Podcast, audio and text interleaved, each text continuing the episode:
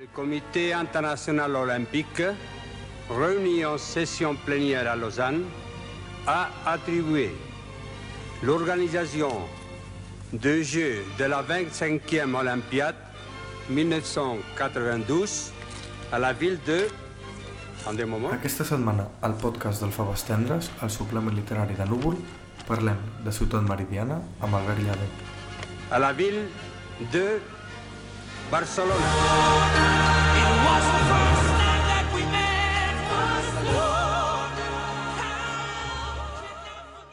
Benvinguts al podcast de Faves Tendres, el suplement literari de Núvol. Avui tenim de convidat l'Albert Lledó, que és un autor català que escriu en castellà i que acaba de publicar La travessia de les anguiles a Galàxia Gutenberg. Benvingut, Albert. Ben trobat. Gràcies per convidar-me. M'ha entusiasmat aquest llibre perquè és una obra que molt ben escrita, que ens parla d'un barri de Barcelona, que és Torre Baró, del qual jo crec que s'ha escrit poquíssim, no gairebé res, en forma literària, diguéssim. I després també per motius personals, perquè jo vaig créixer en un barri molt semblant al que descrius i hi ha moltes coses que m'han ressonat personalment, després en parlarem. M'ha fascinat aquesta capacitat que tens de, de parlar d'una colla de, de nens que, que tenen, al moment en què comença la novel·la, uns 13 anys, no? Mm. més o menys, són adolescents, viuen en un barri que es va com inventar als anys 60, el Samaranc, mm. per vendre la moto a l'Ajuntament, però després no va acabar d'urbanitzar-ho bé. És un barri fet i deixat estar, que es diria, no? Exactament. Però és un barri on presideix una gran pancarta que diu Benvinguts a Barcelona, que en certa manera tapa el mateix barri, no? com l'oculta, però que eh, en certa manera eh, és una porta d'entrada a la ciutat en el mateix lloc on es dona la benvinguda s'està amagant alguna cosa, hi ha una cosa que s'ha ignorat, com a mínim s'ha negligit durant mm. molts anys, eh, perquè aquí ho dius, quan havíeu d'anar a l'escola doncs havíeu de travessar la via del tren, Sí, sí, el totalment. carretero Sí, sí. trobeu xeringues. M'agradaria que ens llegissis el primer fragment, el primer mm, capítol del llibre, que és una entrada, jo crec, preciosa, que, que explica molt bé, ens posa, ens situa eh, en aquest món que, que has aixecat eh, literàriament. Bienvenidos a Barcelona. Gabriel ha muerto. Alzheimer. Nadie como él nos ha mostrado que la libertad reclama definir, de antemano, unas reglas de juego. Claras y precisas, para hacerlas saltar por los aires, si es necesario. Bambicucha Barcelona, se lee desde la autopista. Son unas letras gigantes, blancas, clavadas en un muro que brota con aires de civilización desde el barranco. Parecen emular el famoso letrero de Hollywood. También nosotros tendremos nuestras colinas. El barranco donde instalamos la guarida es un terraplén situado bajo la curva que une las calles Agudas y Costabona. Les pusieron a estas serpientes de cemento que recorren el barrio como si fuese un dibujo de Escher nombres de montañas bucólicas. Rasos de Paguera, Baixivera, Parafita. El paisaje falseando la unión entre significante y significado. Dicen que así comienzan los simulacros. Se podía llegar de Ciudad Meridiana a Baibona por el barranco. Para ir al colegio teníamos que saltar las vías de tren. El niño que éramos entonces sorteaba las jeringuillas usadas con saltos rítmicos y espontáneos. Una telaraña inmensa de carreteras y autopistas ejercía de férrea frontera. Oíamos los coches justo por encima de nuestra cabeza, relinchaban como alimañas que huyen del peligro. El olor de la rueda quemada, así, era nuestra Magdalena de Proust, un rostro de la mañana. Han pasado 25 años, han colocado escaleras mecánicas, algún ascensor, pero el barrio no ha cambiado demasiado. Mary, la Mary, el barrio tiene nombre de mujer. Es un valle de hormigón inventado de la nada en los años 60 que dibuja un boquete perdido bajo la sierra de Coixerola. Somos desde el principio un mordisco de esa ciudad a la que os damos la bienvenida. Planearon aquí un gran cementerio. El terreno resultó demasiado húmedo y ya podéis ver, prefirieron apostar por la vida. Dicen que se aguanta mejor la intemperie cuando se respira. M'ha impressionat molt això de que se aguanta mejor la intempèrie quan se respira. En certa manera parles de- d'una intempèrie que és col·lectiva, perquè mm. parlem d'un barri que ha tingut l'índex de desnonaments més alt d'Espanya, De fet, ara, ara, ara mateix és la zona amb més desnonaments de tot Espanya, sí. Si, si hi anem a Ciutat Meridiana, que el que és paradoxal és que està a 14-15 minuts de plaça Catalunya en tren. Està molt a prop aquesta perifèria. Uh, els dimarts i els dijous trobarem desnonaments que estan organitzats a la mateixa hora en jocs diferents per trencar aquesta resistència dels veïns i per trencar que no puguin aturar-los. Tot i així, cada setmana s'aturen molts desnonaments gràcies a gent que hi posa el cos. En aquest barri ens situem als anys 90, eh? Mm -hmm. quan el protagonista del llibre, que podia ser un alter ego eh, teu, eh, ell es diu Jordi, tu et dius mm. Albert, però li diuen, aunque mis amigos me conocen como Jorge, el català. Eh? Mm. I a tu també et deien el català, una mica, a mi sí. passava el mateix, eh? a la Maurina de Terrassa, que, que quan sortia al barri a jugar a pilota, doncs eh, era el mm. català. No? Però aquest eh, Jordi, que viu eh, i va a l'escola en, en aquest en aquest barri. Té una colla d'amics no? que formen com l'agència de detectives Scooby-Doo. Exactament, sí, sí. I que se, són addictes a la biblioteca de los jóvenes castores, no? Mm. Això ho troben en un quiosc que es diu Revilux, que avui aquest quiosc ja és una església evangelista. Sí, sí, sí. Hi ha com un sacerdot dominicà. Eh, és d'un tipus de cristianisme eh, dominicà que, que vaig estar parlant amb ell, eh? però el rètol de Revilux encara existeix i jo he fet aquest, aquesta novel·la, aquest llibre, caminant. I l'he caminat molt, aquests escenaris de la meva infantesa, i ho recomano a tothom a fer-ho perquè realment és molt plàstic, em venen moltes imatges. No? I em vaig trobar amb el rètol de Revilux, vaig recordar uh, aquests fascicles que sortien cada 15 dies, que eren los jóvenes castores, que eren els nebots del, del Pato Donald, i el que he fet és que els tres personatges principals es diuen igual que aquests aquests personatges de Los Jóvenes Castores. Volia jugar amb això, però no tenia molt clar. El que passa és que vaig anar a la font original, a Los Jóvenes Castores, ho vaig recuperar, aquesta col·lecció de 20 volums, i el primer capítol es diu Un techo para todos. Ah, I per tant sembla que estigui parlant no? d'aquests desonaments que jo volia narrar d'alguna forma. I l'últim capítol jo tenia claríssim que volia parlar de les Olimpiades de Barcelona no de les Olimpiades, sinó d'allò que no va enfocar la ciutat com tot el món li estava fent la fotografia a Barcelona quan es va convertir en una postal i l'últim capítol de l'últim volum de Los Jóvenes Castores és la fiesta més grande i parla de les Olimpiades com a concepte.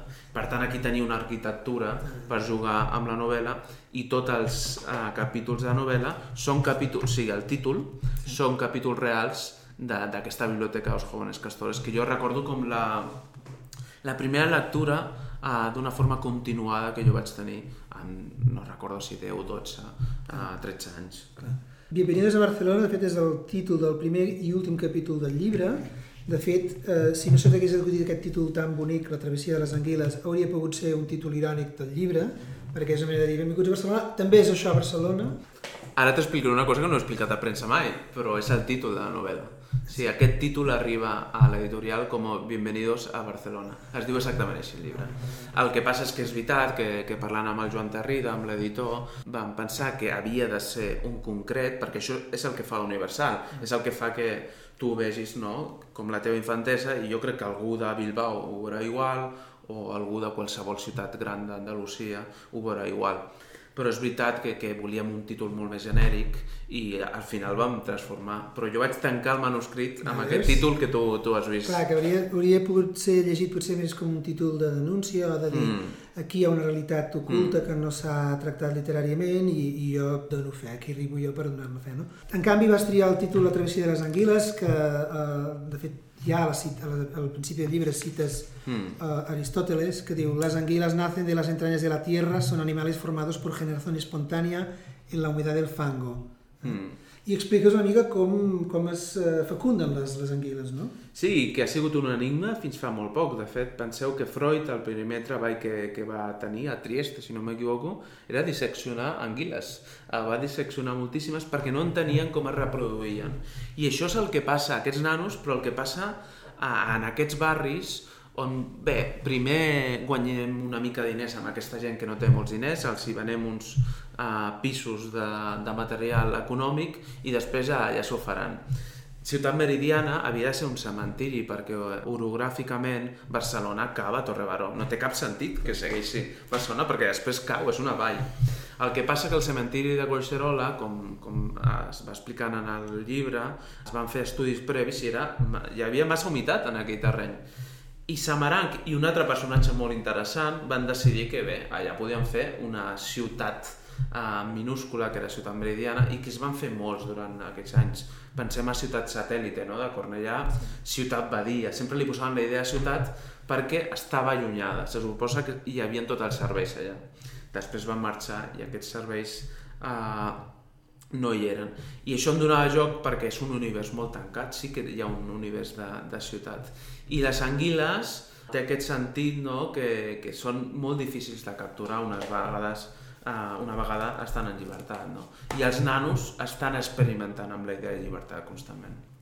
Hi ha un capítol molt bonic en què vas parles de com les anguiles doncs, travessen l'oceà mm. i després eh, vas repassant eh, cada un dels, dels nois de la, de la colla de les detectives, no? que no són detectives salvajes, però, però gairebé una mica la relació que tenen amb els seus pares, no? Mm. el lloc on, on s'han construït com a persones no? i que són a vegades famílies realment molt desestructurades, amb mm. famílies amb problemes, i també fas un retrat eh, molt realista de, de, de, de tot un entramat de famílies que, que passen dificultats serioses, mm. però al mateix temps després també travessa el llibre tot una, un alè poètic mm. que li dona una, una força literària molt gran.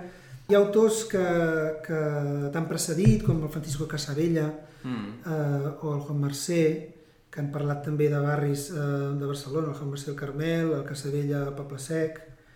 Eh, què representen per tu aquests dos escriptors Bé, tot, tot, una, una voluntat de construir paisatge en la literatura. Uh, a mi m'interessava molt parlar de Ciutat Meridiana des de fa molts anys i no hi trobava la forma perquè no volia fer només una història si, no, si Ciutat Meridiana no es convertia també en un personatge.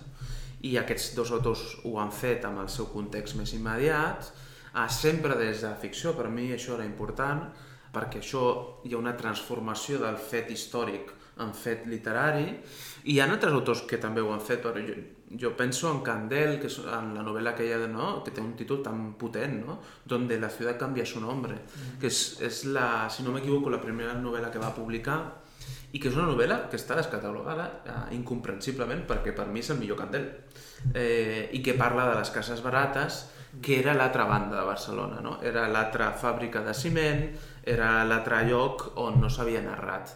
I quedava Ciutat Meridiana, perquè pràcticament, literalment, no, no, no, no s'ha narrat, i m'interessava això, eh, de transformació literàriament per això que dius, perquè podia fer una poètica.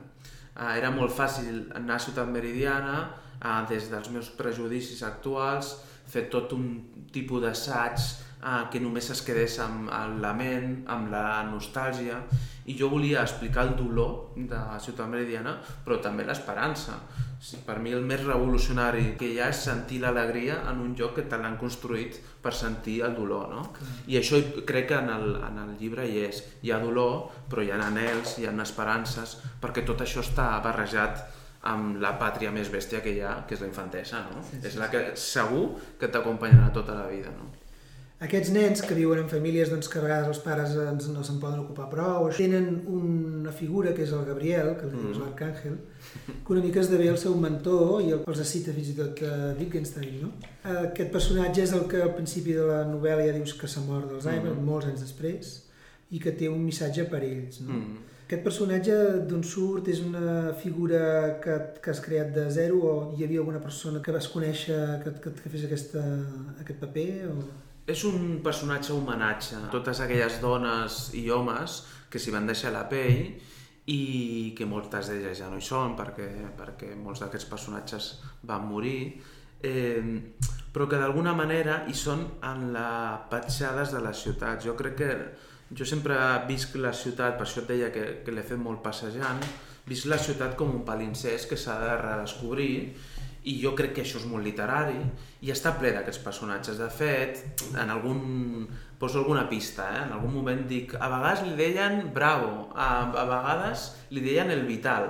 Són pseudònims eh, o noms, sobrenoms que li posen que fa referència a noms reals. Per exemple, quan jo li dic li deien el Vital, està fent referència a Manuel Vital. Manuel Vital és un personatge molt interessant de Barcelona, va morir fa pocs anys, i que era aquella persona que era conductor d'autobusos eh, i que era el president de l'Associació de Veïns de Torre Baró i que el, el 1978, després d'una dècada demanant que hi anés un autobús a Torre Baró i li deien que era impossible, aquesta novel·la va molt de fer possible l'impossible, mm -hmm. ell va segrestar l'autobús que normalment circulava, se'l van portar, va trucar a tots els veïns i van fer un itinerari amb el cos directament.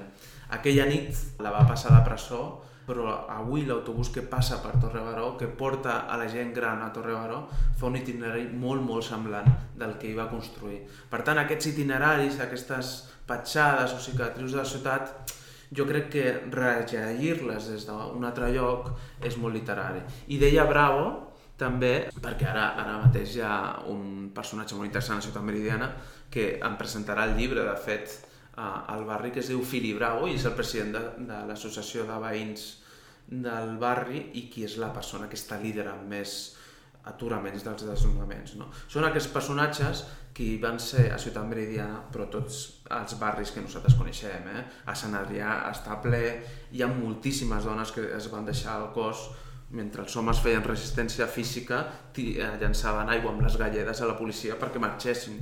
I no només amb aigua, eh? hi havia altres substàncies. Sí, sí, sí. Doncs és un personatge homenatge que, que d'alguna forma doncs, recorda a aquestes persones que van construir democràcia amb la presència de, del seu cos i de la seva lluita i sense grans teoritzacions uh, filosòfiques, en realitat. El Gabriel per això acaba a la presó mm -hmm. i després la seva germana el rescat i se l'emporta a Còrdoba, però, sí. però és un personatge que té un càstig. Mm. Clar, perquè sempre hem endolcit uh, la idea de lluita. La lluita no acaba en victòria normalment, acaba en fracàs. Uh, és allò de fracassa, fracassa millor, fracassa més, no? I no és casualitat que la segona paraula o la tercera del llibre sigui Alzheimer, perquè ell ha mort i el perill no és la seva mort, no és la seva desaparició física. El perill és la pèrdua de memòria, no la d'ell eh, només, sinó la pèrdua de memòria a la ciutat. No? Oblidem molt ràpid eh, que els centres cívics no estaven allà eh, quan, des dels de, temps immemorials. Oblidem molt ràpid que un CAP no està... O sigui, la sanitat pública no hi és aquí eh, perquè sí, no ha sigut un regal perquè sí. Oblidem aquestes coses i jo crec que, que era interessant fer aquest exercici de, de memòria. I, evidentment, a vegades eh, les lluites acaben en fracàs. Això també crec que ho hem d'assolir, no? Aquest llenguatge sempre bèl·lic, no? pràcticament futbolístic, de victòria o derrota, jo crec que en la idea de lluita no té gaire sentit, perquè tu no lluites eh, sabent si guanyaràs o perdràs. Lluites perquè és una forma de vida fins i tot et diria perquè no pots fer una altra cosa. No? Aquests personatges no lluiten perquè han llegit Gramsci, no lluiten uh, perquè han estudiat filosofia i uh, són lectors de Deleuze, lluiten perquè no poden fer una altra cosa o lluiten per viure dignament o només sobreviuen com animals. No?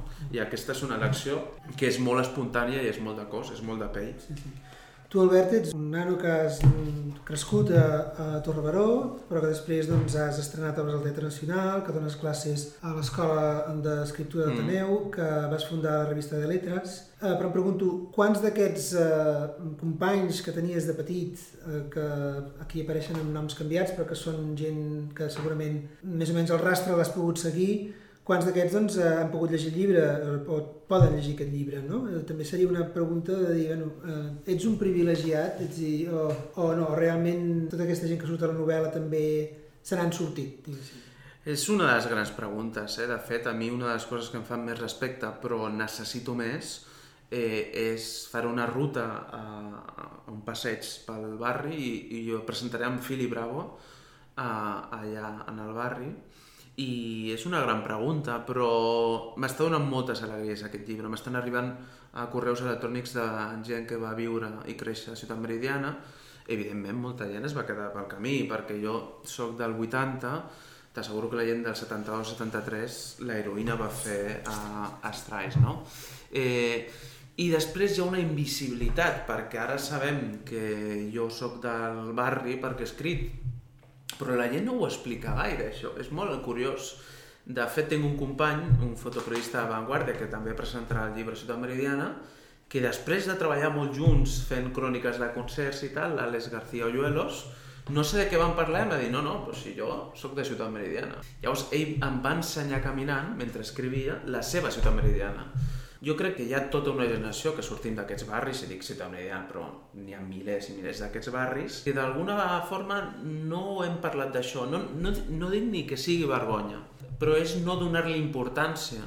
I jo crec que té importància no perquè ens faci més autèntics o menys, ni millors ni pitjors, ni més valents o més covards, sinó perquè aporta una altra mirada sobre la ciutat i per tant les mirades són més complexes, són més polifòniques.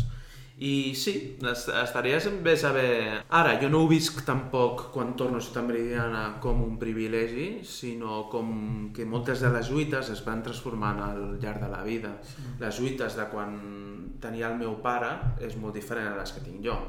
La precarietat laboral, hi ha moltes qüestions que són molt diferents. Ell segurament tenia un treball eh, molt més manual, molt més autòmata i per tant podia ser menys creatiu que el que puc eh, ser jo avui en dia, eh, però l'estabilitat laboral, imagina't, no? Eh, els que ens dediquem a la cultura o al periodisme, sí, sí. no té res a veure amb aquells obrers que deixant-se la pell van eh, tenir una estabilitat. No? Nosaltres diem en veu alta, sense, sense dubtar, que no sabem si, ten, si tindrem pensions. És increïble per a una sí, sí, sí. altra generació, això. Sí, sí.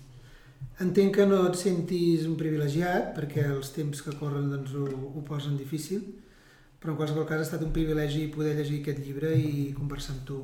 Moltes gràcies. El privilegi ha sigut meu. Moltes gràcies.